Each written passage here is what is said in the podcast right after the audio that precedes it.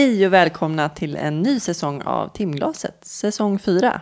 Jag heter Jasmin och med mig har jag också min sidekick Max. Hej Jasmin. Hej Max. Hur är läget? Ja, med mig är det bra, men med dig är det mindre bra. Jag har en förkylning på gång känns det som. Och det är ju inget bra eftersom att du har massa jobb nu framför Ja. dig. Jag har ju inte sagt vad, vi, vad podden handlar om. Nej men dra, en, dra det. Vi intervjuar personer som lever med olika slags funktionsnedsättningar. Men det är framförallt personer som vi tycker inspirerar och eh, är bra förebilder. Mm. Det var ju du som kom på den här idén Ja, för tre och ett halvt år sedan. Eller vad blir det? 2014. När sände vi första avsnittet? Är det två? Mars 2014. Ja, och sen dess har vi sänt 30 avsnitt. Och är på gång med 10 till. Idag är det Aron Andersson som drabbades av cancer när han var bara sju år gammal. Han fick en tumör i landryggen och eh, när de opererade bort den så blev han förlamad. Delvis. En ganska me- medioker förlamning om du frågar mig. Och han är i alla fall rullstolsburen. Ja. Han har ju klarat sig väldigt bra om man jämför med vissa andra i det här rummet. Men det var en tuff tid när han var barn. Cancern kom och gick. Men det har inte hindrat honom från att göra massa galna saker. Ja, det är helt sinnessjukt. egentligen. Förutom att han är ambassadör för Barncancerfonden så har han bestigit Kebnekaise och nu här senast Kilimanjaro och simmat till Åland bland mycket annat. Och han är aktuell i eh, Lilla Sportspegeln. Han ska bli programledare där, eller har redan blivit. Men mer om det kommer vi prata om i intervjun. Ja, det är väl lika bra att säga innan här också att eh, lite termer som nämns i intervjun. Tetror och parrer. Paraplegiker har två lemmar förlamade medan tetraplegiker har fyra. Det är väl så reglerna är. Jag ska göra en liten instickare också om inkompletta skador. Då betyder det att ryggmärgen inte är helt av. Det vill säga man har liksom inte kapat den med en sax typ. Utan det finns fortfarande nerver som, är, som fungerar, som inte är trasiga. Så då kan man ha lite genomslag. Man kan till exempel eh, gå. Men ha nedsatt funktion i, i armarna eller delvis i benen och, och så vidare. Är jag inkomplett? Jag kan ju vicka på min högra stortå. Inte fan blir jag gladare för det. Men, jag är ju komplett. Det är som att någon har klippt med en sax. men är man inkomplett om man även har känsel? Jag har ju full känsel till exempel. Ja, inkomplett. Fan, jag är mycket bättre än vad du är. Vad hände dig Max? En morgon så vaknade jag med ont i nacken, åkte in till sjukhus och la mig i en röntgenmaskin och kom ut helt förlamad med en inflammation i ryggmärgen som kapade av all funktion nedanför nacken. Sen fick jag tillbaka i armar och lite sådana där grejer. Du då? Jag dök på för grunt vatten när jag var 15 år. En sommar i Spanien. Och eh, bröt nacken och fick då en komplett ryggmärgsskada. Från femte kotan om man räknar uppifrån. Ja, jag är typ också femte kotan. Så vi har taskig funktion i armar och händer. Eller jag har ingenting i händerna. Jag har lite i händerna och känsel överallt. Men det har inte du vad jag har förstått. Nej, jag har ingen känsel, ingen funktion från ungefär nyckelbenen och ner. Och vi är båda rullstolsburna. Festligt värre. Japp.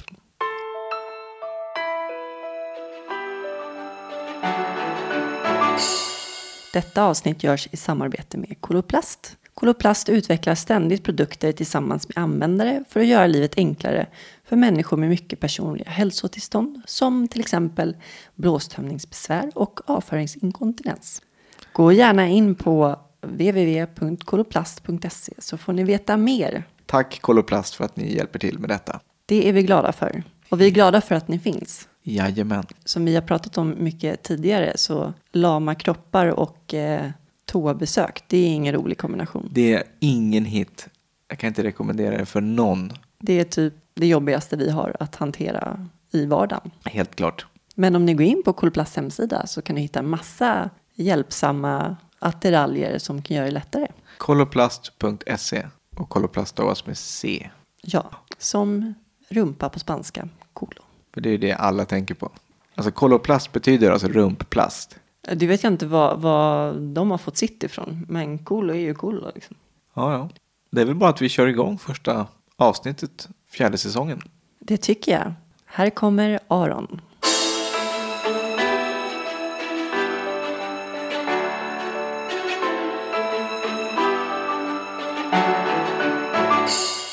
Hej Aron och välkommen till timglaset. Hej, tack så mycket. Kul att vara här. Ja, kul att vi fick till det. Jag har förstått att du har intensivt schema och du har blivit intervjuad redan här på morgonen.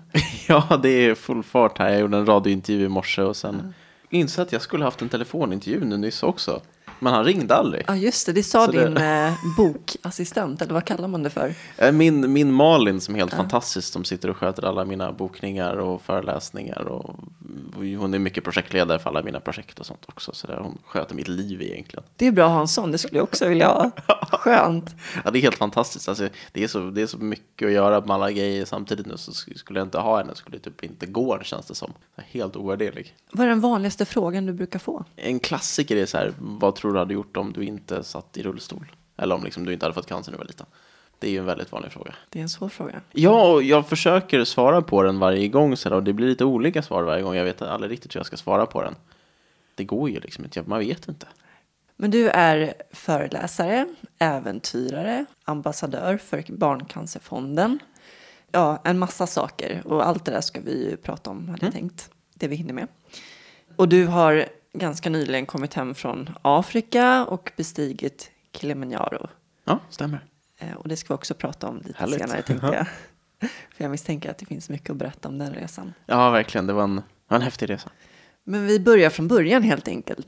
När och var föddes du? Stockholm, jag vet, Hedvig Eleonora tror jag står i mitt pass. Det är väl något sjukhus eller något sånt på, på Östermalm där jag bodde mitt första år. Och sen flyttade vi till ett radhus i Nacka. Och där är jag väl uppvuxen egentligen. Vart bor du nu? Nu bor jag i en lägenhet i Täby, norr om stan. Okej. Jag bor i Nacka. Mm, schysst. Trivs bra Det där. är väldigt fint där. Jag gillar Nacka. Mycket natur. Mm, jag, hade, jag hade gärna flyttat till Nacka direkt när jag flyttade hemifrån så, men sen vart det Täby. För att det var lite billigare där då. Nu, nu är det ju ännu dyrare överallt. Så ja, jag vet inte, jag får spara pengar och flytta tillbaka till Nacka till slut. Hur ser din familj ut som du växte upp med? Mamma, pappa, Rigget, Kerstin, eh, mina två yngre bröder, Hugo och Leo. Och sen är det mormor och morfar och allt sånt där liksom. Så det, det är väl, ja, det är väl familjen så. Hur var din uppväxt? väldigt bra. Alltså verkligen så här idyll i det här liksom, radhusområdet. Och det är så här, vi kunde gå till skolan utan att passera några bilvägar. Så man kunde liksom gå inom området så. Och det, jag hade massa kompisar där. Man kunde så här, så här bra ställen att leka på. Det var jättebra. Sen när jag var så här ja, sex, sju år någonting så började familjen hyra ett, ett sommarställe ute i Stockholms skärgård på somrarna. Och var där mycket och så här. Ja, men väldigt bra uppväxt. Och det var väl i samband med sen att du drabbades av cancer? Ja, precis. Jag, jag varit sjuk när jag var sju och fick min, ja men på min, faktiskt på min åttonde födelsedag fick jag min första cellgiftsbehandling. Så det var där liksom det, det drog igång. Hur märkte du att du fick cancer? Äh, jag fick ont i rumpan när jag satt faktiskt. Så jag satt i, satt i bilen, sju år gammal, på väg ner till mormor och morfar för att fira jul. Och då fick jag ont första gången. Och sen varje gång jag satt ner så kom den här verken tillbaka. Och sen till slut hittade man den här cancertumören som var stor som en knytnäve ungefär. Så satt ner i, i bäckenet i korsbenet. Och det var den som orsakade när, liksom, all den här smärtan för det var nerver som kom i kläm och sånt. Liksom. Den var satt liksom inne i benet, så var det så här sarkom heter det, så här skelettcancer. Så den var, den var riktigt, riktigt ordentlig. Hur gick tankarna då? Vad visste man om, om den här typen av cancer och hur såg prognosen ut? Och... Alltså till en början så såg prognosen väldigt bra ut. Man gjorde ett så här vävnadsprov, en biopsi då, och då kunde man säga att den här cancersorten har vi bra medicin mot. Jag borde vara frisk på någonstans mellan 69 månader. Och sen körde man igång. Och sen vart det inte riktigt så, för det man kunde konstatera sen när man, man insåg att tumören, eller så här, den, tumören svarade halvt på behandlingen men inte riktigt liksom. Och då kunde man konstatera att det var en blandtumör och två olika sorters cancer. Och den här andra tumören man hittade, den var inte riktigt lika sugen på, på, på, på att dö av cellgifterna helt enkelt. Så då, då blir man till slut tvungen att operera. Och det är därför jag sitter i rullstol. Du fick en ryggmärgsskada Ja, precis. i samband med operationen. Ja, precis. Man blir tvungen att skära av massa nerver och sånt som går till, till benen i samband med att man tar bort korsbenet då helt enkelt. Och hur ser din funktionsnedsättning ut? Äh, jag är lite så här lyxhandikappad. Jag, jag kan, ju, kan ju använda benen, jag kan stödja lite på dem och gå lite, men jag använder rullstol liksom så här 99% av, av min tillvaro. För att det är så himla mycket bättre än att hålla på och gå med kryckor och rollator och sånt. Ja, du måste slita en del på armarna och axlarna. Ja, det. kryckor och sånt är väldigt slitsamt. Det funkar liksom inget bra. Sen bära saker när man går med kryckor, liksom. det är helt hopplöst. Och liksom så här, ta, en- ta en, jag har ganska dålig balans på kryckor också. Jag är inte bra på att gå på kryckor. Så att så här, gå i en matsal och ta en bricka med mat och sånt, det skulle inte gå. Liksom. Så rullstol är så här, enda sättet. Det känns osmidigare faktiskt. Med Ja, och rullstol är så, man har alltid någonstans att sitta liksom. Det är bara smidigt. Första året efter operationen så fick jag inte sitta ner. Ganska jobbigt så du tittar lite frågande på mig här. Bara, Jag, jag läste någonstans att det var under ett års tid fick du inte Nej, sitta. nej och det, det var otroligt bökigt. Vad gör man då? Och då, då först och främst vart det så här, innan jag liksom var så rehabbad så jag kunde använda benen lite bättre. Så körde vi mamma och pappa runt med någon vagn och lite sånt där liksom. Så det var en ganska tråkig tillvaro. Och sen efter det så gick jag mycket med någon sån här rollator. Och, och det gick ju så, men det var ju otroligt bökigt. Men, men jag kände ändå någon sorts stolthet i det. För att jag kunde gå. Man har någon otrolig så här fixering med att man ska kunna gå om man har den minsta lilla funktion. Vilket jag inte fattar, för rullstol i väldigt många fall är otroligt mycket bättre. Men jag hade ju också den här, så här på något sätt, så här, rädslan för att hamna i rullstol. För då var man ju handikappad på riktigt liksom. Då tittade ju folk lite annorlunda, tänker man så här. Och då var man lite deprimerad. Och, ja. Ja, det är väl ingen som vill hamna i, i rullstol. Nej, nej rullstol är så undvika- man vill ju- stigmatiserat. Man vill ju undvika det så mycket det går, såklart. Ja, men verkligen. Mm. Men, men just det att man till, exempel till all förbannelse ska för, försöka gå liksom. Även om man är jättedålig på det och skulle ha ett mycket bättre liv i rullstol. Det är så, det är så märkligt inom sjukvården. Jag hoppas att det håller på att ändras. Det känns som en amerikansk syn också på något sätt. Då är det också man ska gå trots allt. Ja, det är som en så här inspirerande klipp på Ja. YouTube och sånt. Som folk som sitter i rullstol som har lärt sig att gå så här fem meter och bara "Ah, It's a miracle. Och bara, ja visst, det är väl jättebra men det kan ju inte använda det till något vettigt alls. Har ni sett den här rullstolen som man, man spänner fast sig i och så reser den sig upp och så rullar man runt på fyra små hjul ståendes. Ja, det har jag sett. Fullständigt idiotisk grej liksom. Nu har det kommit så mycket de här robotarna också som man strappar på benen och så, ja, det är som en robot som går åt den. Liksom. Ja, det går inte att använda den till något. Det vill säga sätta igång cirkulation och sånt. Så här, rehabgrejer är kanske bra. Man kan men, inte ha bråttom i alla fall. men du kan inte, Slow göra- så kan inte ha den i vardagen liksom. Nej. Men hur mycket förstod du? Alltså, jag menar, du var ju barn. Mm. Innebörden av cancer, förstod du vad det var? Jag fick ju det förklarat för mig. Alltså, jag visste att cancer var något farligt, så här, något som man inte ska ha när man är, är sju år gammal. Men sen fick jag förklarat att ja, men det är en knöl som växer i det liksom, som, som är farlig, som vi måste ta bort. Det var väl liksom det jag fattade ganska snabbt då. Och sen läste man ju på mer och så här, såg lite så här små dokumentärer och grejer och ja, fick lära sig mer om det. Hur gick det med det sociala livet då, med kompisar? Och... Ja, men det funkade ganska bra. Jag, jag var inte i skolan jättemycket under den perioden. För dels så var jag på sjukhus så mycket, och sen var jag så infektionskänslig. Så det var svårt att vara i skolan för att det var lätt att åka på, på saker. Liksom. Men en del kompisar var, besökte på sjukhuset och sånt där. Så liksom, det, det funkade bra ändå tycker jag. Hur länge låg du på sjukhus? Från att jag blev sjuk i början på året när jag var sju. Och sen året efter då i... Så jag hamnade på sjukhus någon gång i januari. Och sen året efter i så här april opererades jag. Så kanske jag kom från sjukan i, i maj. Någon gång slutet på maj typ så här. Sen var det till och från efter det. Så, så väldigt intensivt under ett drygt år i alla fall. Och sen liksom i perioder till och från. Hur kändes det i början när du hade nedsatt funktion i benen? Ja, Du det- skulle lära känna din kropp på nytt. Det var ju bökigt liksom. Det är klart det var det, men, men samtidigt så försökte jag hitta så här roliga moment. det. Jag kommer ihåg att jag körde rehab där på, undrar om det var Sankt Göran jag körde rehab på tror jag. Jag tror jag låg på Sankt Göran efter operationen en period, eller om det var på, ja, Sankt Göran eller KS var det här i alla fall. Så hittade jag någon så här, för jag fick ju liksom inte belasta rumpan och så fick jag inte sitta ner så jag kunde inte köra rullstol. Och så jag hittade någon så här bräda med hjul på på något sätt som jag kunde lägga mig ner på. Så här, dra mig fram på armarna i korridorerna så här, och åka runt och liksom. Så jag försökte hitta de här, så här roliga momenten i det. Och det blev någon så här sorts min, alltså mitt sätt att få, få energi och, och hitta någon glädje i det. Var det många som ställde frågor? Jag tänkte på dina kompisar och sådär. Ja, det, det vart väl en del så här funderingar från dem i början och jag tycker barn är jäkligt härliga där. Det är väldigt så här raka frågor. Så bara, "Ah, men hur funkar det med rullstolen? Hur går det liksom? Så här, Varför kan du inte göra det? Så här, det, det är väldigt smidigt. Vuxna är ofta mycket bökigare där. För de vågar inte riktigt ställa den här frågan som man egentligen vill ställa, men barnen ställer den på en gång. Men det, det funkar ju bra tycker jag. När kom rullstolen in i bilden? Det var så här, jag var på ett så här, träningsläger på Gran Canaria när jag var tio år gammal. Och kommer dit, liksom, då har jag precis fått börja sitta ner. Så då tänkte mamma att ah, men då åker vi till Gran Canaria. Det var i rehabläger där, men om det var Frösunda eller vad, jag vet inte. Nå någonting sånt. Så vi kommer ner dit och då går jag med rollator. Då hade jag inte en tanke på att jag skulle sitta i rullstol. För jag hade inte fattat att det var bra då. Och där är ju massa folk i rullstolar. Sen är det några som- som är ledare där som verkligen på mig. Bara, ah, men prova rullstol liksom sådär. Och jag tyckte det var jätteläbbigt då. För så här, rullstol var ju så, liksom, var ju så mycket negativa saker förknippat med. Men till slut satte jag mig i rullstol där och, och blir fast liksom. Så året när jag fyllde 10 så fick jag min första rullstol. Det måste ha varit en frihetskänsla ändå. Även om det kanske i början kändes som ett nerköp. Eh, Ja, Men nej, nej men väl- alltså på en gång när jag hade, hade fattat hur bra det var, det gick ju väldigt fort, så kände jag att wow, det här var ju otroligt kul och man kunde ju så göra en massa sporter och bara så här rulla snabbt och, och så här racea ner för backar och grejer och väldigt snabbt så, så såg jag fördelarna. Fick du bättre självförtroende då också? Ja, jag vet inte om självförtroendet så var direkt dåligt. Liksom inte, under, inte under de åren i alla fall. Men det var klart att man fick en helt annan frihet. Och sen kom tonåren. Ja. Hur var det?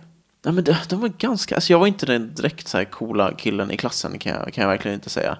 Alltså högstadiet var, var bra. Men där hade jag så här mycket vänner och så. Och liksom gick i en klass som så här, men det var bra sammanhållning och så. Och jag var ju alltid den här, så här sportkillen. För jag fastnade för idrott liksom direkt när jag fick min första rullstol i princip. Började prova massa idrotter och fastnade för det. Det var min grej så. Så det, det var liksom, det var det jag gjorde. Och sen var jag med skolan, hängde med vännerna och så också. Men så här, direkt till träningen efter skolan liksom.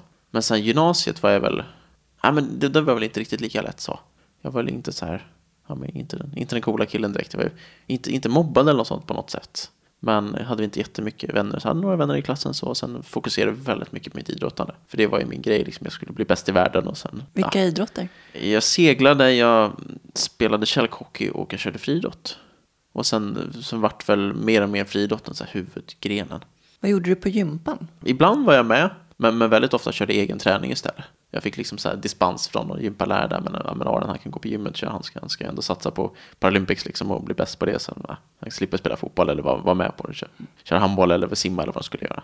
Så ganska ofta fick jag dispens där. Det kändes inte som att du var lite utanför då, eller? Nej, jag var väldigt nöjd över det. Jag ville ju hellre vara på gymmet och göra vettig träning än att hålla på och tramsa något på idrotten tyckte jag. Liksom. Så jag tyckte det var jättebra. Men du sa friidrott, alltså vad finns det? Ja, jag körde så här banlopp, så allt från 100 meter upp till maraton. Min grej mot slutet sen vart så här medellång distans. Vad betyder det? 1500, 5000 maraton. Så de, de lite längre loppen.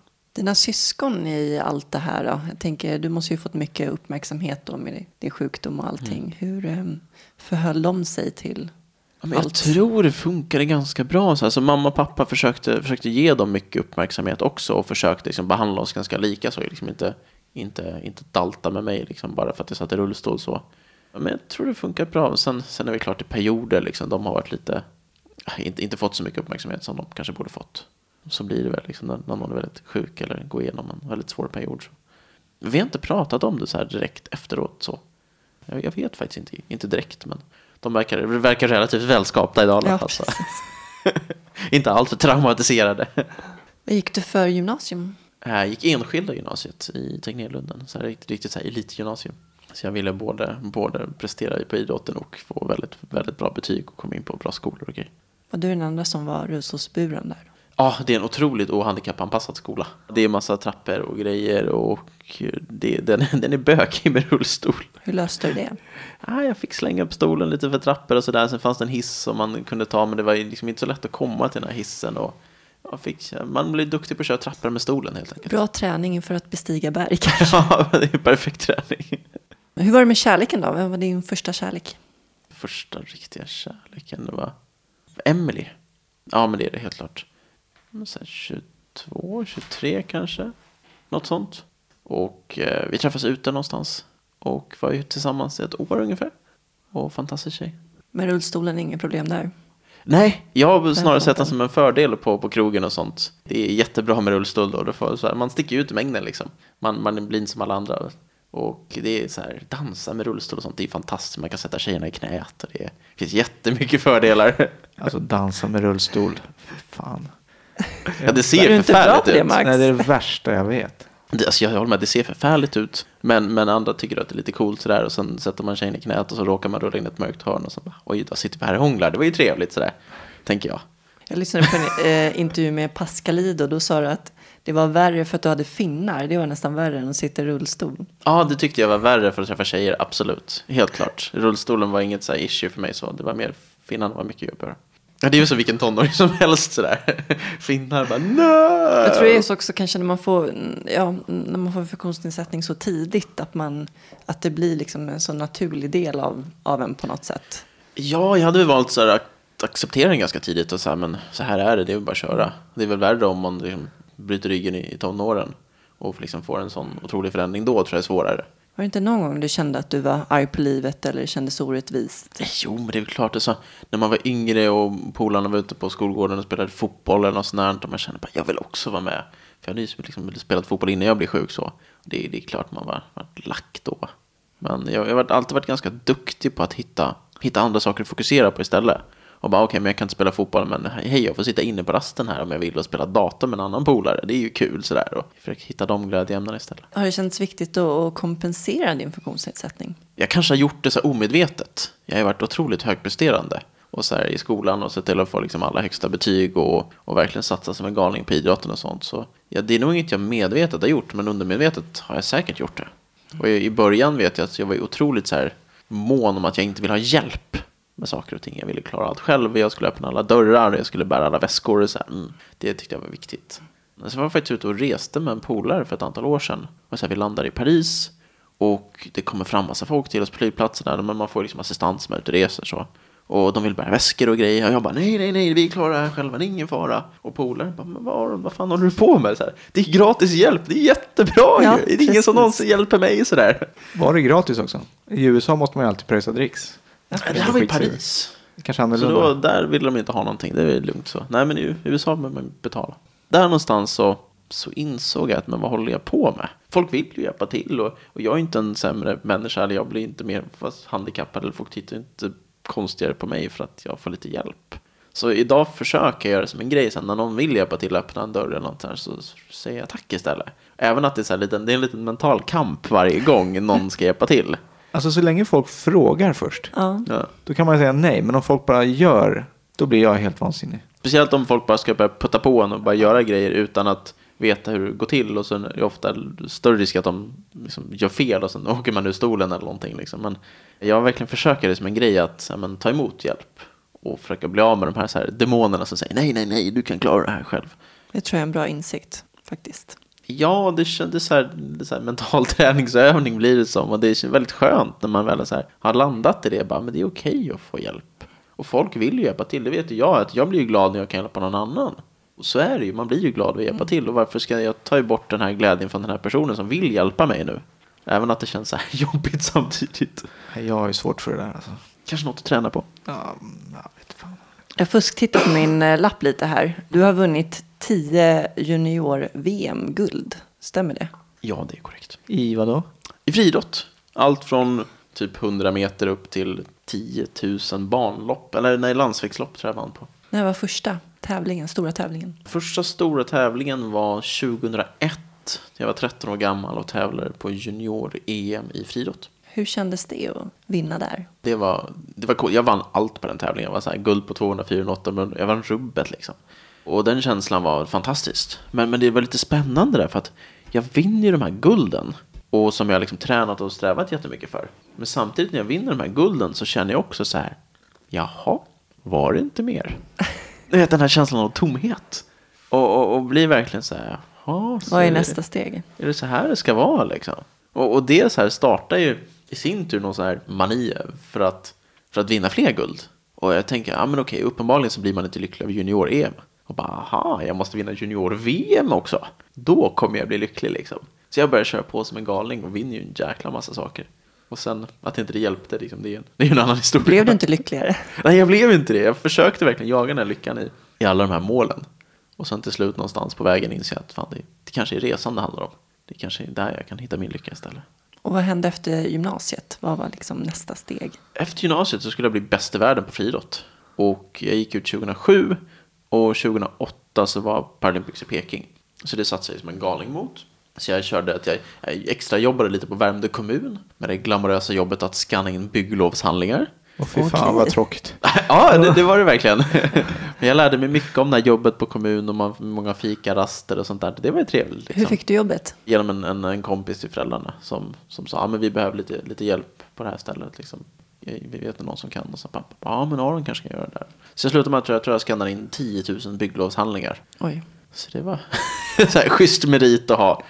Och sen efter det så drog jag till Australien och Sydafrika och körde träningsläger och friidrottade som en galning och satsade sista biten in mot Paralympics där. Ah, det gick ju inte jättedåligt men det gick inte bra heller. Jag, jag liksom körde väl inte riktigt på de tiderna jag hade hoppats på. Och sen efter det var det bara fortsatt satsning mot att bli bäst i världen. Och när blev du bäst i världen? Jag vart aldrig på seniorsidan. På, Okej. på juniorsidan vann jag liksom allt som gick att vinna. Så jag tog alla de där gulden. Men, men när jag skulle ta det här klivet så här till, på seniorsidan så 2011 så körde jag väldigt bra. Jag så här slog massa folk i alla slag på tävling. Så här verkligen bra personer som hade tagit medaljer på Paralympics och sånt. Så jag kände att ja, men nu börjar jag närma mig. Och sen i slutet på 2011 så började jag få strul med min högra höft. Och det här är liksom mitt i min satsning mot Paralympics i London där jag ska ta de här medaljerna. Där jag känner att nu jäklar. Och då börjar höften strula. På vilket sätt då? Jag börjar få ont. Jag börjar få jätteont liksom, när jag ligger på sidan. Så får jag jätteont när jag sitter i tävlingsstolen. Gör det jätteont. Och jag känner att nej, men någonting är ju fel här. Så jag går till naprapater och sen och försöker fixa det. Men ingen lyckas få till det där. Så till slut går jag och röntgar. Och då ser man att höften ligger och led.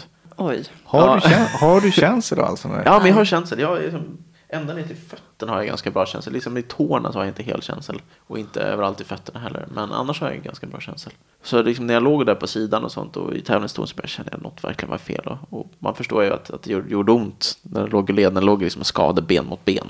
Och så var jag så här, jaha, okej, vad gör vi nu då? Och jag vill inte så operera eller något sånt för att störa min Paralympics-satsning. Men det var liksom det som var receptet för att fixa det.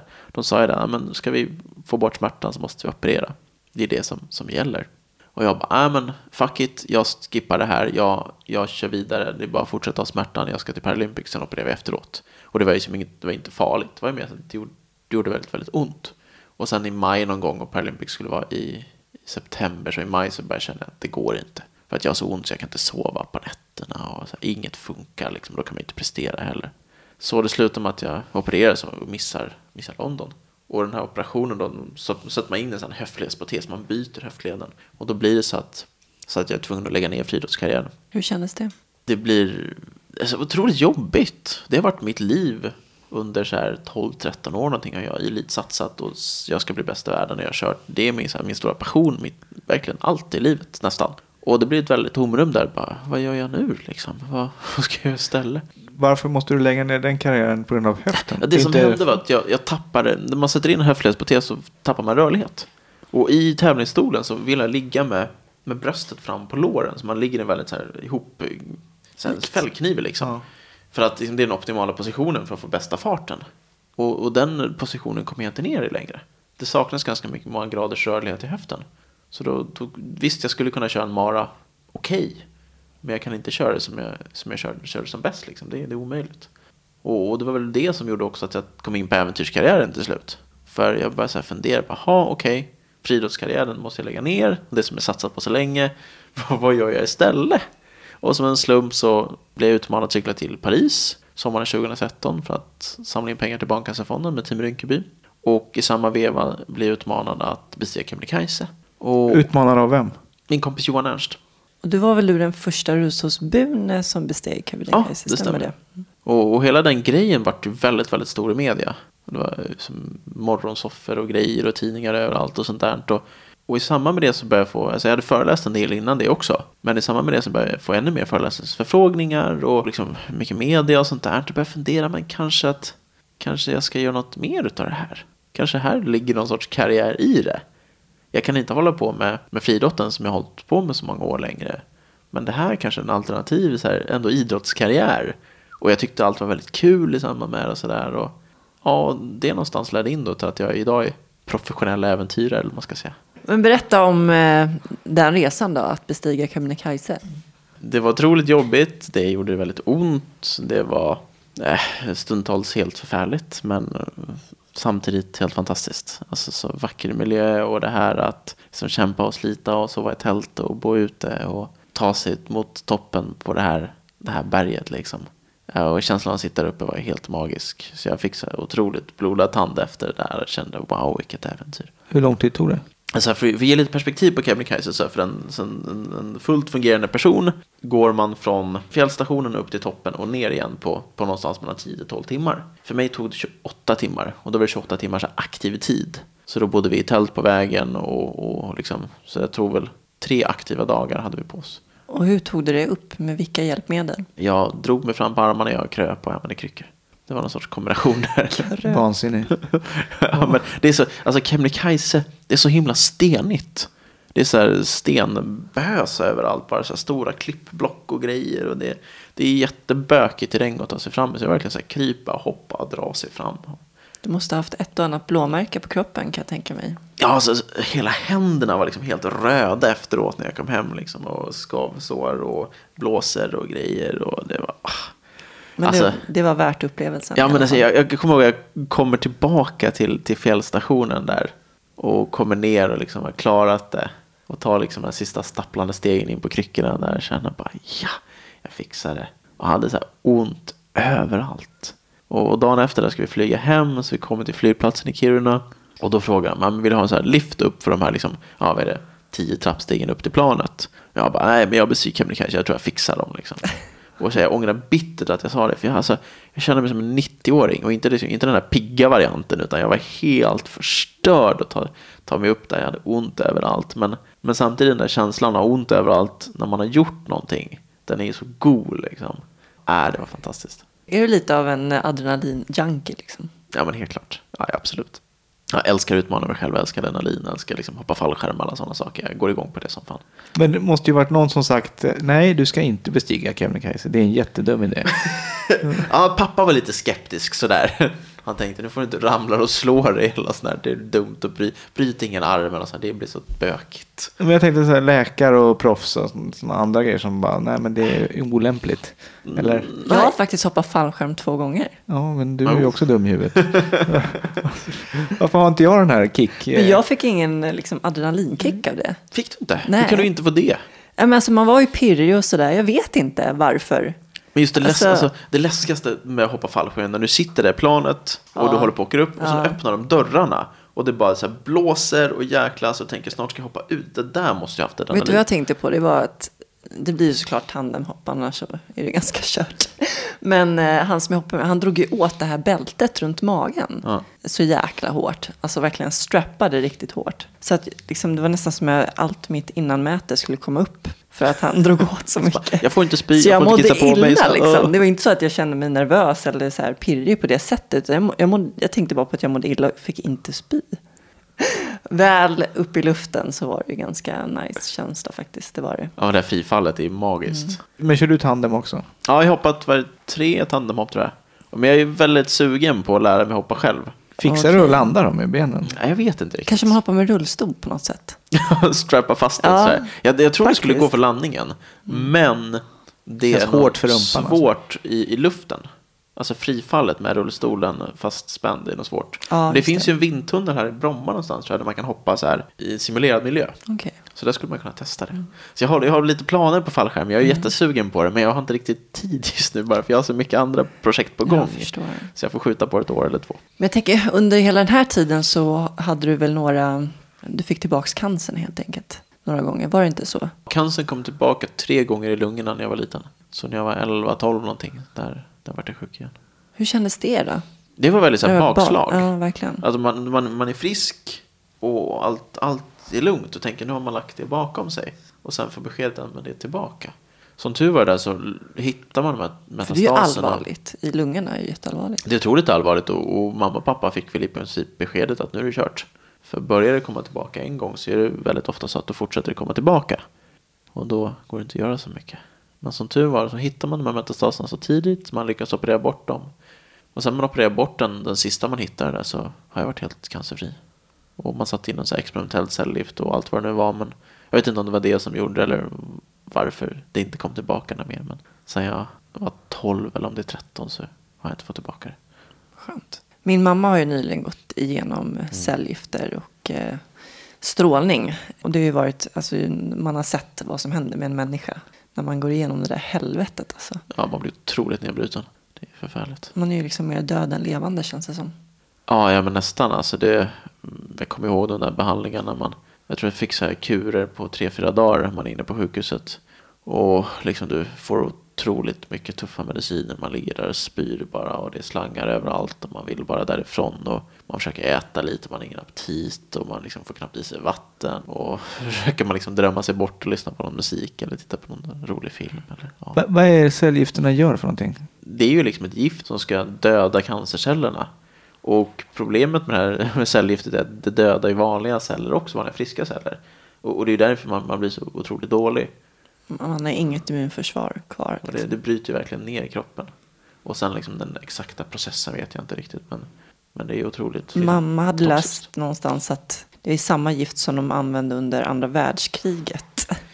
Ja, ja, det snackas om att cellgifterna kommer från så senapsgas. Det var så man upptäckte det. Man insåg att senapsgas var bra på att, på att döda cancer. Så Då inser man, man- väl så här, eh, förfirat det där, hoppas jag. Men, men det, jag tror det är där det härstammar ifrån. Då inser man hur giftigt det är. Ja, verkligen. Nej, det, det, det är ett galet gift. Mm. Det, jag skulle inte önska det på min värsta fiende att få cellgift. Alltså. Hur gick tankarna då egentligen? Du var ju bara barn liksom. Och gick igenom så svår behandling. Kände du ändå positivt inställd till livet? Ja, ibland, ibland inte. Alltså, det var delar i som jag tyckte var väldigt, väldigt tuffa och jobbiga. Bland annat att få nålstick. Jag tyckte det var helt förfärligt. Även om jag bara så här sticker fingret och det gör ju inte dugg ont, det känns ju knappt. Men det var så mycket rädsla kring det där som var så jobbiga. Många så små moment var väldigt tuffa. Men ändå så försöker man ju så här fokusera på att okej, men jag gör den här behandlingen och sen så ska det krympa, det ska bli lite bättre, jag ska bli friskare och sen kan jag leka med mina vänner liksom. Det var så man fick lägga upp det mentalt. Men man har ju inget val heller. Nej men det är väl lite den, den inställningen man har så här. Ja vad ska jag göra då? Alltså jag kan ju inte ligga hemma och, och dö. Det går ju inte. Jag måste ju kämpa. Jag måste ju kriga liksom. Jag måste prova. Jag måste försöka ta mig igenom det. Jag tänker så här, jag, jag har lyssnat på en del intervjuer och läst en del intervjuer och sådär. Men du är ju så otroligt, som sagt, positivt inställd och låter väldigt så här glad snubbe.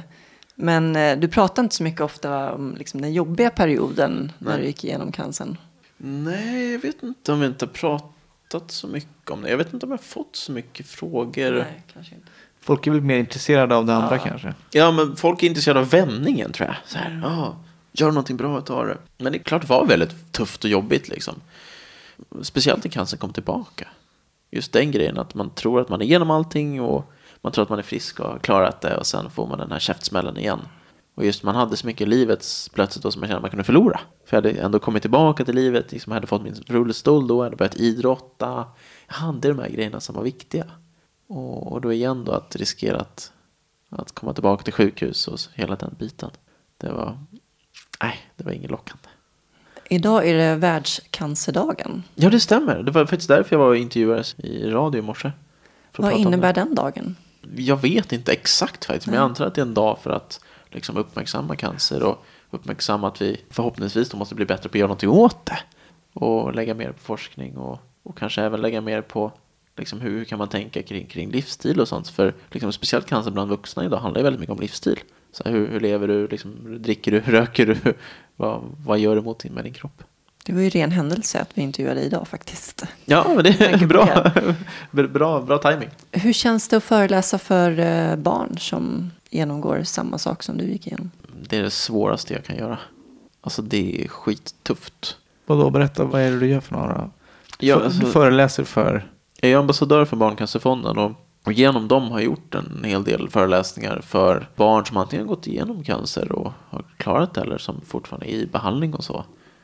Och det, det är så jäkla tufft. Alltså, jag kan gå upp på vilket företags vd och ledningsgrupper och vad som helst och prata. Det är ingenting i jämförelse.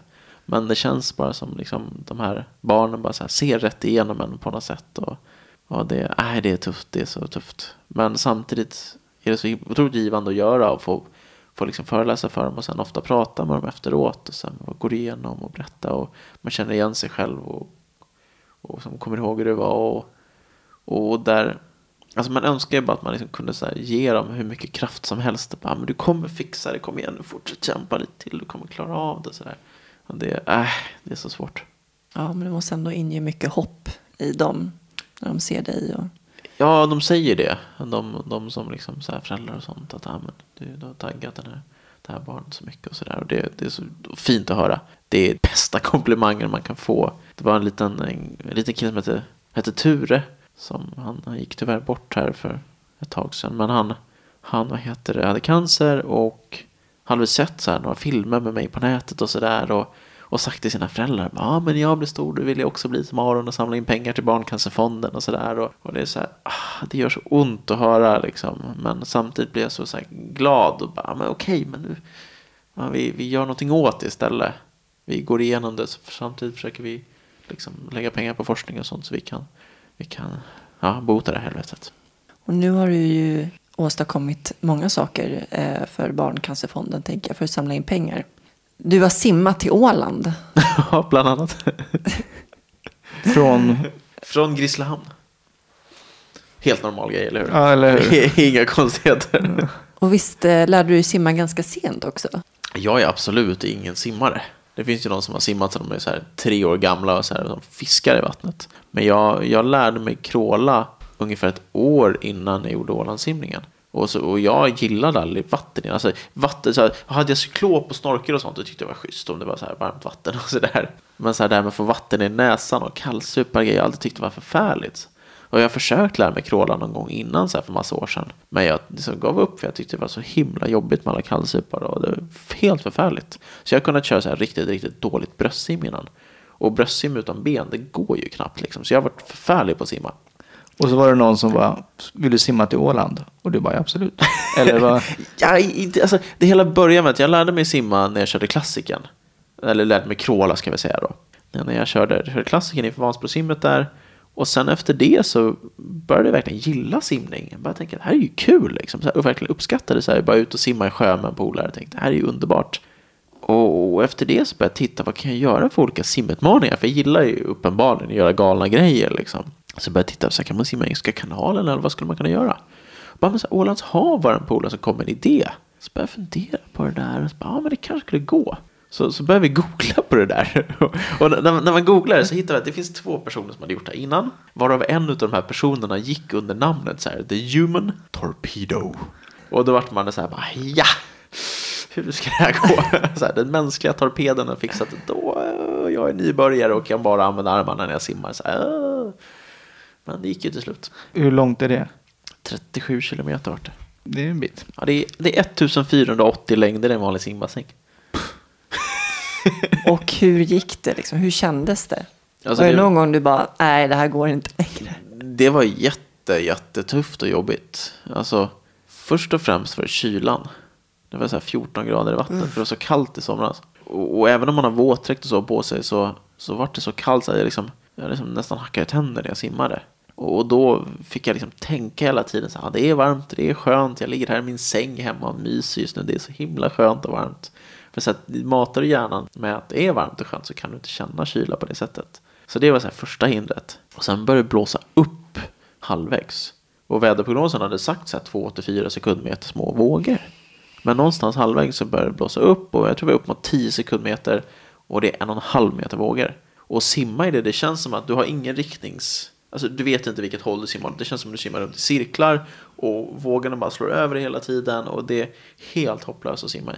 Och där någonstans börjar jag känna att äh, nu skiter vi i det här. Nu hoppar jag upp i följebåten, nu drar jag en varm, varm filt över mig, nu dricker jag lite blåbärssoppa och nej, nu, nu bryter jag. Men du hade en båt med dig hela tiden. Ja, jag hade följebåt. Annars hade jag inte vågat göra det. Och de langade mat och dricka och sånt un- under simningen också. Så jag la mig i vattnet bredvid dem och så skickade de ner energi till mig. Hur långt tog det? 13 timmar tror jag. Konstant i vatten? Ja, och nästan konstant i rörelse också. För de här pauserna jag tog när jag låg bredvid följebåten. Det är helt galet. Jag var tvungen att pausa så himla kort. Du är vansinnig. Lite kanske. För två så långa pauser, då blev jag så kall. Jag var så nedkyld för att man inte rör sig. Så man måste röra sig hela tiden för att hålla kroppstemperaturen. Känslan att komma upp där på den här bryggan på Åland. Och det var helt magiskt alltså. Och jag var så trött, jag var så slut. Men så samtidigt så lycklig. Bara, jag fixar det. Ja, det var fantastiskt. Men liksom kramp? Finns det ingen risk att man får det? Toalett? Ja, ja, det är bara att köra i våtdräkten. ja. Den var inte jättefräsch efteråt om vi säger så. Jag har aldrig haft problem med kramp. Så det, det klarar jag bra, det var lugnt. Men jag var ju otroligt trött, jag hade jätteont överallt, liksom axlarna. Och, och ligga och simma så här, det, liksom, de mådde inte bra mot slutet. En axel började strula när så här, med en mil kvar ungefär. Så kunde jag inte trycka på ordentligt, men då fick jag jobba mer med andra armen. Och det, det är ju ingen hälsosam grej liksom. Jag, jag rekommenderar den inte till er om ni är sugna på ett simprojekt. Nej, tack. Eh, tack men nej jag tack. avstår. Men så har vi Afrika också. Hur var hela den resan? Alltså jättehäftig och otroligt häftigt äventyr. Alltså, hela den här grejen med att gå upp på berg i huvudtaget är ju något speciellt med. Det här man, man, man går och går och går och till slut kommer man upp till. Man överkommer någonting. Man... Ja, alltså det, det är så definitivt liksom. Man ska upp till toppen. Punkt. Och jag gjorde den här resan tillsammans med 26 andra. Ett stort team som gjorde det tillsammans för att samla in pengar till Barncancerfonden. Då. Och bara göra det tillsammans med det här gänget och, och nå toppen där tillsammans. Det var en magisk känsla. Var det fler i rullstol eller var det du? Nej, det var bara jag. Det, det är svårt att hitta andra i rullstol som är med på såna här grejer. Det är, det är inte helt lätt faktiskt. Det är Lövis. Ja, det är väl Lövis. Sen måste man hitta andra som kan klara det också. Vissa vill det. Men du måste vara så himla tränad för att kunna fixa det. Liksom. Så det är inte lätt. Och hur var vägen upp dit? Bökig. Och samtidigt otroligt vacker. Alltså det, det som är så häftigt med Kilimanjaro är att du går igenom så många klimatzoner. Först börjar du i, i regnskog. Det är så här 35 grader varmt och det är apor och grejer som hoppar runt och fåglar och sånt där. Och, och sen kommer du upp till någon sorts lite, så här, lite glesare liksom, vegetation där och sen kommer du ut i ett månlandskap. Och det är bara så här stenar och, och liksom helt väldigt kargt sådär. Och sen på slutet är det liksom alpint. Då är det snö och minus, så här, ner mot minus 20 kanske. Var det samma sak där? Du både kravlade och använde kryckor och... Ja, och där hade jag med mig en armcykel faktiskt. En sån här specialbyggd terrängarmcykel. Som jag kunde köra i ganska långa perioder. Och den var otroligt bra att ha. Och speciellt på nedvägen gick det väldigt fort. Det är mycket bättre än att ben då ner. Hur lång tid tog det? Nio dagar totalt höll vi på. Och det som är med bergen är också, man skulle ju kunna gjort det fortare. Vi hade ju så här akklimatiseringsdagar och sånt på vägen upp. För eftersom det är nästan 6000 meter på toppen så kan du inte gå liksom pang på en gång upp. För då blir du väldigt sjuk av höjden. Utan man måste vänja kroppen vid höjden. Så man får liksom ta några meter om dagen. Liksom. Var kommer din drivkraft ifrån? Liksom? Var, var kommer det här drivet ifrån? Alltså, jag älskar att utmana mig själv. Och se så här, vad är möjligt, vad, vad kan jag klara av, vad kan jag fixa? Och sen har jag en väldig glädje i alla de här grejerna. Vara iväg på ett berg sådär tillsammans med så här, vänner och göra det här. Alltså, det är bland det roligaste jag vet. Det, det är få tillfällen när jag mår så bra som när jag gör något sånt. Jag är så här lycklig i hela själen. Och sen gör vi mycket för att samla in pengar till Barncancerfonden också. Det, Hur mycket samlade ni ihop nu? Kilimanjaro har varit en miljon. Totalt under 2015 var det 2,7 miljoner. Bara så här, få, få, få ge över den checken här i två veckor sedan typ. Så gav vi över den här checken på 2,7 miljoner till Barncancerfonden. Bara den känslan är så magisk. Och bara veta att lilla jag har varit med och fixat det här. Liksom. Det är absolut inte jag som har lagt in alla de pengarna själv. Utan det är så här på Facebook, folk som har varit med och gett några kronor där, några kronor där. Och mina partners har varit med och liksom donerat. Och, ja, det är helt fantastiskt att kunna få vara med och bidra till att ja, men fler barn inte ska behöva gå igenom det jag gick igenom när jag var liten. Varför ska man donera pengar till Barncancerfonden? För att rädda liv i slutändan. Det känns väldigt bra att göra det. Och tittar man på all forskning och sånt att i början när man började se barncancer som en, som en sjukdom så, så gick det så långt att man ville lägga ner barncanceravdelningen. Eller man ville inte ha den för ingen, ingen överlevde. Och idag överlever faktiskt fyra av fem. Och det är väldigt, väldigt mycket tack vare den forskningen. Och nu handlar det mycket om att fler ska överleva och sen att få mindre komplikationer. För många av de som överlever får ju väldigt mycket komplikationer och det kan vara allt från liksom hörselnedsättningar till kognitiva störningar och till liksom, jag hamnar i rullstol och, och sådär. Och skapa bättre behandlingar så att så man ska undvika så många, mycket men som möjligt. Vad tycker du att du får för bemötande ute i samhället? Har du blivit diskriminerad någon gång? Ja, det har jag väl säkert blivit. Jag kan inte komma på något exempel just nu direkt, men, men det är väl klart man har blivit det. Men jag har fått väldigt bra bemötande. För jag kräver ett bra bemötande. Alltså jag har ett så bra handslag, jag tittar folk i ögonen, jag, liksom, jag, jag är där. Och jag försöker inte skämmas för mig själv, liksom, jag drar inte ner en keps över ögonen och, och liksom sitter där och försöker liksom försvinna. Utan jag, liksom, jag sträcker på mig och säger men hej, här är jag. Och det tror jag bidrar väldigt mycket till att jag får ett bra bemötande. Lilla Sportspegeln är du ju aktuell i Ja. snart. Men du har gjort första inspelningen. Ja, jag tror vi har spelat in fyra avsnitt än så länge. Okej.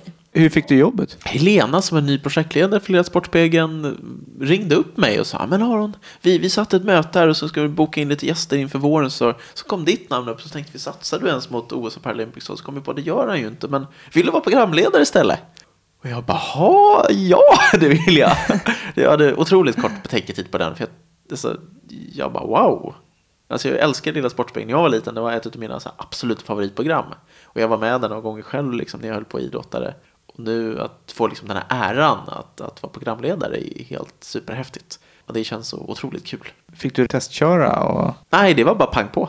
Okej. Det var bara in så, så kör vi liksom. Men vi har ju otroligt här, duktiga redaktörer med som, som hjälper till och styr upp. Och de vet ju verkligen hur, hur man ska göra det bra. Så att säger, säger jag något konstigt eller gör något konstigt men så kan man ju ta om det. Liksom. Men du, ska, du ska möta kameran så, du ska vara så här liksom, och tänk på det här. Och, men det är ju verkligen en läroprocess. Vi har spelat in fyra avsnitt nu och det, blir så här, det känns som det blir bättre och bättre för varje avsnitt. Man blir mer avslappnad, man kan mer vara sig själv och man blir bättre på att man tar kameran och tar gästerna som är med. Så där. Det är väl lite som att föreläsa också. Man blir mer Ja, alltså, så är det verkligen. I början var man ju värdelös på att föreläsa. Och nu när man gör så här 100 föreläsningar per år ungefär, då det konstigt om man inte var lite, lite bra i alla fall. Så är det verkligen. Men det, alltså, det lilla sportspringjobbet är jätte, jättekul. Kör ni Tom och Jerry fortfarande? Nej, det är tyvärr ingen Tom och Jerry och det är tyvärr ingen, ingen bollkastning heller. Det är de liksom så här klassikerna som alla frågar. Bara, Tom och Jerry är det kvar? Bollkastningen är kvar. Ja, det var ju enda anledningen att jag tittade på Lilla Sportspegeln överhuvudtaget. Helt sportointresserad när jag var liten.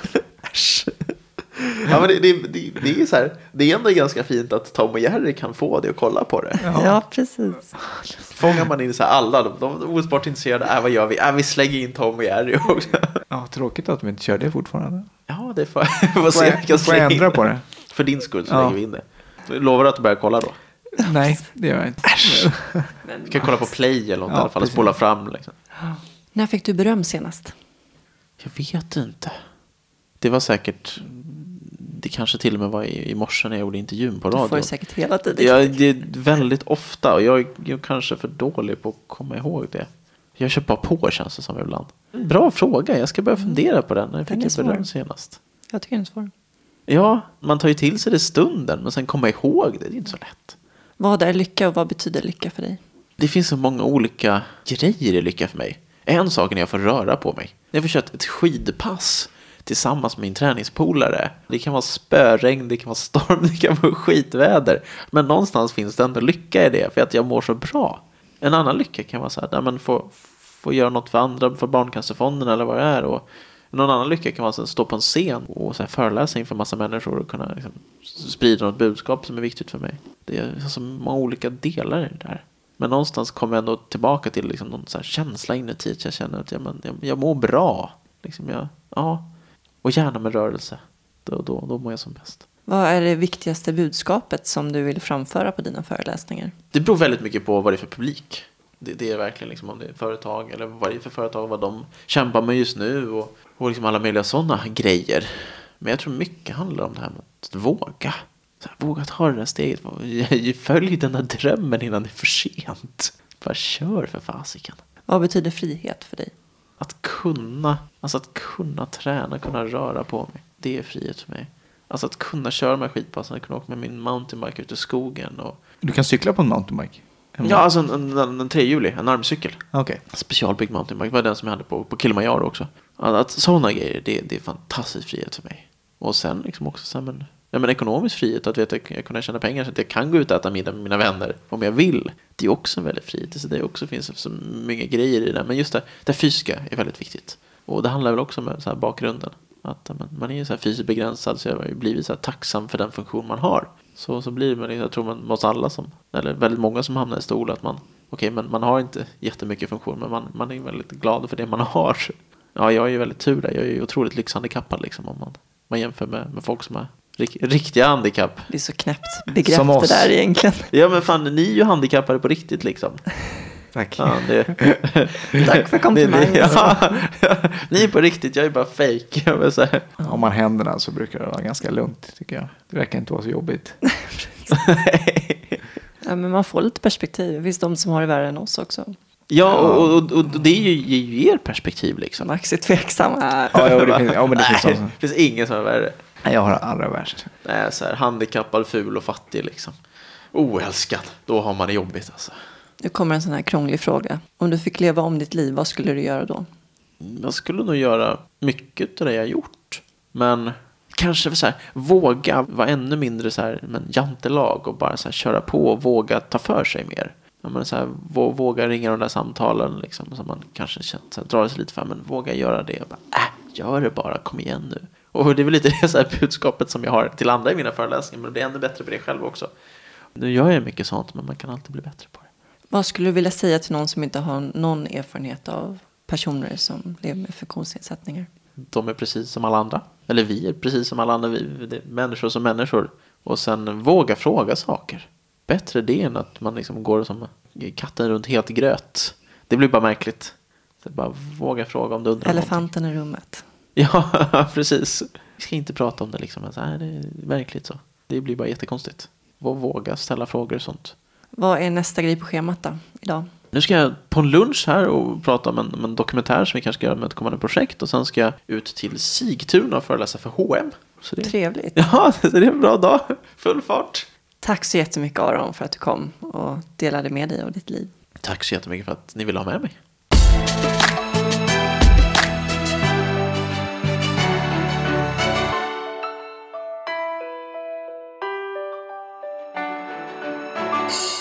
Vad är det mest vågade du någonsin har gjort? Om jag skulle säga efter olyckan så är det att köra en fem veckors roadtrip utan veta vad vi ska och inga planerade hotellrum. Och Det låter vågat faktiskt. det var ganska Det vågat. krävs ju en hel del planering i vårt tillstånd. Precis, i USA då. Det var ju ett och annat hjul som fick plockas bort för att komma in i badrummet och Det var så pass, för jag menar, de fick lyfta över mig till duschar i offentliga badhus som visade sig när man väl har kommit över inte funkade. Och, de har ju ändå lag på att allt ska vara tillgängligt. Men det var det tydligen inte. men om handikapprummet är upptaget så får man ju ta något annat. Jag fick sitta och duscha, ja du vet. Ja. Var det värt det då? Det var lätt värt det. Det var den bästa resan jag någonsin gjort. Hur klarade kroppen det då? Den klarade det bra. En fiberlös kost är kanon för magen. det finns ju ingen fiber i det där jävla landet. Nej, precis. Vad är det mest våghalsiga du har gjort då? Jo, men jag nämnde ju där i intervjun att eh, jag har hoppat fallskärm. Och eh, det har jag gjort två gånger till och med. Så att det är väl ganska vågat. Ja, jag skulle ju aldrig utsätta mig för några sådana dumheter. Men jag har alltid varit ganska vågad tror jag. Hoppat från höga höjder och dykt och haft mig. Det ledde ju till det här. Mm. Var du rädd när du hoppade fallskärm? Men jag var inte det. Och det var det som gjorde mig lite besviken. Att jag inte fick den där adrenalinkicken som jag sökte. Jag har ju alltid älskat berg och dalbanor och åkt alla möjliga konstiga saker. Jag har aldrig åkt berg och dalbana. Någonsin. För jag tycker det är så obehagligt. Men då vet jag inte om det är obehagligt om du inte har prövat. Det räcker med att titta på en berg och dalbana så inser jag att det där gör jag inte. Jag har ju liksom aldrig kört högre än hastighetsbegränsningen. Någonsin.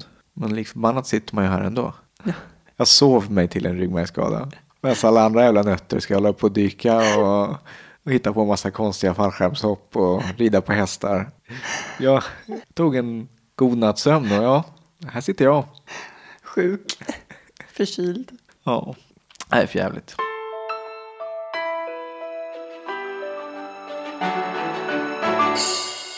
Avsnittet görs i samarbete med Koloplast. Och Koloplast utvecklar ständigt produkter tillsammans med användare för att göra livet enklare för människor med mycket personliga hälsotillstånd. Som till exempel blåstömningsbesvär och avföringsinkontinens. Gå gärna in på deras hemsida, koloplast.se. Där får ni veta mer och får en massa bra tips och råd kring dina toabestyr. Tack Koloplast. Tack så mycket. Tack, tack. Vi har en vacker hemsida, timglasetpodd.se. Och som alla andra så finns vi på sociala medier, Twitter, Instagram och Facebook. Vill ni mejla oss så mejlar ni till kontakt snabel-a timglasetpodd.se. Hashtag timglasetpodd om ni ska skriva någonting om oss eller dela någonting eller vad ni nu vill göra. Vi är tacksamma för all spridning och delning som vi kan få. I nästa avsnitt får ni möta Marit Sundin. Hon förlorade båda sina ben i en eh, lastbilsolycka när hon var tre år gammal. Hon blev påkörd. Hon är en klurig person. Hittar på massa kul uppfinningar. Ja, bland annat En rullstol som är baserad på en segway. Adseat. Och hon blev årets uppfinnarkvinna 2014. Och hon har även haft en eh, kort sitski-karriär och vunnit lite medaljer. Mer om henne nästa vecka. Ha det bra. Hej då.